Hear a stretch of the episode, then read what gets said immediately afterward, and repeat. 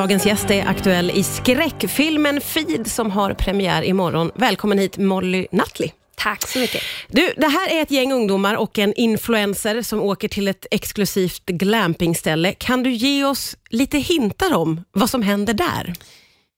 Eh, nej men alltså bara det här att det är ett gäng ungdomar som åker ut på en ö. Klassisk är situation. ju lite så här, ska de verkligen göra det? Typ?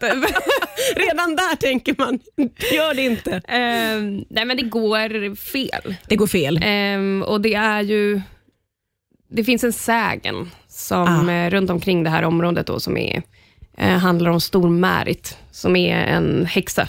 Eh, så hon är lite involverad. Hon är lite involverad i det här. Berätta om eh, din karaktär. Min karaktär heter Elin och är väl alltså outsidern i gänget. Mm. Eh, Hon är tillsammans med Dimman som då är influencer, men hon själv har pluggat till läkare och gör sin AT, så hon hör inte riktigt hemma i den världen. Okej. Eh, Och sen är då Dimmans ex där, eh, Josefin. Ehm, vilket gör att det liksom, ja men det är jävligt stel stämning. Det är jävligt still stämning och det finns en häxa. Okej, vi, har, vi har premissen klar för oss. Du, hur var det att spela in den här filmen? Jag föreställer mig att det är speciellt att spela in skräck. Ja, alltså jag trodde ju att jag skulle tycka det var läskigt. Ja. Ehm, och det, det var det inte, inte på det sättet jag tänkte. Det var ju otroligt ehm, fysiskt krävande och eh, psykiskt krävande skulle jag säga. Kan du berätta på vilket sätt? Nej, men vi, de hade ju placerat inspelningen under den ljusaste månaden på året, fast att vi ska göra en skräckfilm mitt i natten, typ. Ah, okej. Så vi hade väldigt konstiga inspelningstider, så vi började fem på kvällen, slutade sju på morgonen. Ah. Och så körde man så. Okej. Så kroppen och huvudet var ju liksom inte med Nej. ofta. Prövande. Väldigt så. Och så var man, jag min karaktär är typ blöt hela filmen, för det regnar. Och, så det var ju väldigt så, man har mycket stunts och, och jag menar, sen så är det ju, spelar du situationer där du mår så fruktansvärt dåligt som våra karaktärer gör, det är ju klart att din kropp påverkas av det och ditt psyke. Man lurar ju sig själv i Ja, stunder. ja. Så det var väldigt jobbigt, men också väldigt kul. ja, men för nu låter det nästan mer jobbigt på något sätt. Alltså, sådana otroliga prövningar och må dåligt och vara kall och blöt hela tiden. Hur håller man ihop det?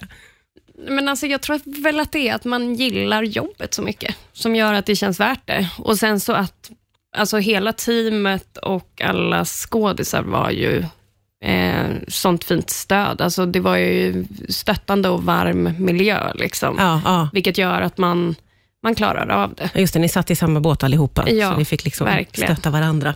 Eh, vi ska prata mer om skräckfilm och kanske lite om det faktum att det ju inte har gjort så himla mycket skräck i Sverige. Vi pratar vidare strax här på FM. Riks FM. Du berättar ju om inspelningen här som var ganska prövande. Jag sa till dig under låten att alla vi vanliga dödliga, vi vill ju så gärna tro att allt som rör skådespeleri är glamoröst. Men det här låter ju mer som det här Gunde Svan-programmet där han tar ut kändisar i, i ödemarken. Det, det är en otrolig prövning ni var igenom. Men alltså den här inspelningen var verkligen som Gunde Svan-programmet. Alltså det var verkligen så här konstant blöta och eländiga och trötta typ. Ja. Men hur påverkar det er eh, i gruppen av skådisar då? Blir man tajtare som gäng? Ja, men det skulle jag absolut säga. Eh, Man finns ju där för varandra och man, man på något sätt också, det blir det här att man skämtar mellan tagningar och försöker liksom få upp energin. Och, Så alla skådisar har ju betytt jättemycket för mig. Eh, Och Det har ju varit sån lyx att vi funkar så bra ihop också. Ja. Blir vikt, kanske ännu viktigare under en sån här inspelning. Gud ja. Ja. Alltså verkligen. Du, eh, det har ju inte gjorts särskilt många svenska skräckfilmer som jag kan komma på på rak arm. Varför tror du att det är så? Men jag tror att det är att vi har liksom fått för oss att vi gör krim och drama i Sverige och det är det som flyger. Speciellt, vi är ju ett krimland. Liksom. Ehm, så jag tror att det kan vara att man bara liksom inte har provat det ordentligt. Ja. Eh, jag tror att det finns en super efterfrågan, alltså generellt med genre. Ehm, Du säger att du älskar genrefilmer. Varför? Ja. Varför? Nej, men för att man oftast med genre, alltså fantasy eller skräck, eller liksom, det är någonting att man verkligen plockas ur verkligheten och hamnar i en helt annan värld. Och Jag tror att det är det som jag gillar. Alltså jag är Harry Potter-freak, Lord of the Rings, Star Wars. Alltså, Du är i alla de världarna. ja, men för att det är världar, Jurassic Park, de gamla, inte de nya. Ah, Okej, okej. Viktigt. Men att det är ju hel, hela världen som har blivit uppbyggda och det är Ja. någonting i det att bara så här, försvinna bort eh, till du får- 100 procent. Får jag ställa den här frågan då? Mm. Klarar vi av det i svensk film då?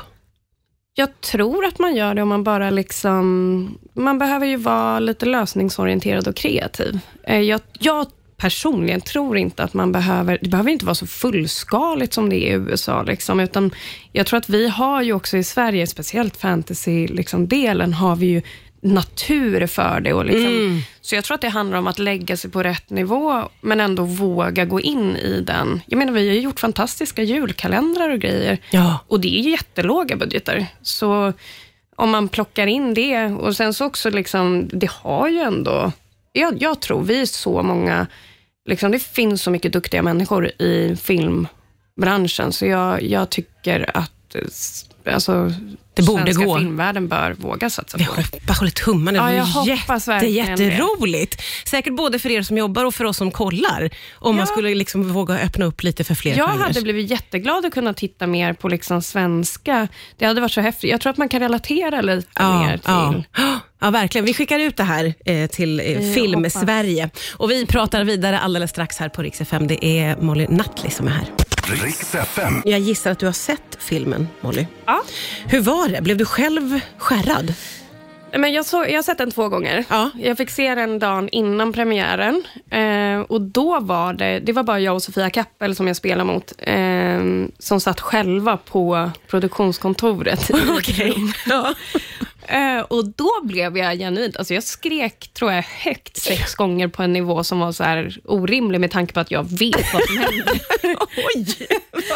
Otroligt läskig film. Ja, men sen så är jag också, alltså jag är en väldigt lättskrämd person. Ja. Eh, jag reagerar på ljud väldigt starkt. Och, så jag, jag vet inte om jag är den bästa måttstocken på hur läskig den är. Fast om du själv har varit med i filmen, tänker jag ändå att det är en ganska bra måttstock om Ja. du blir så rädd att du skriker.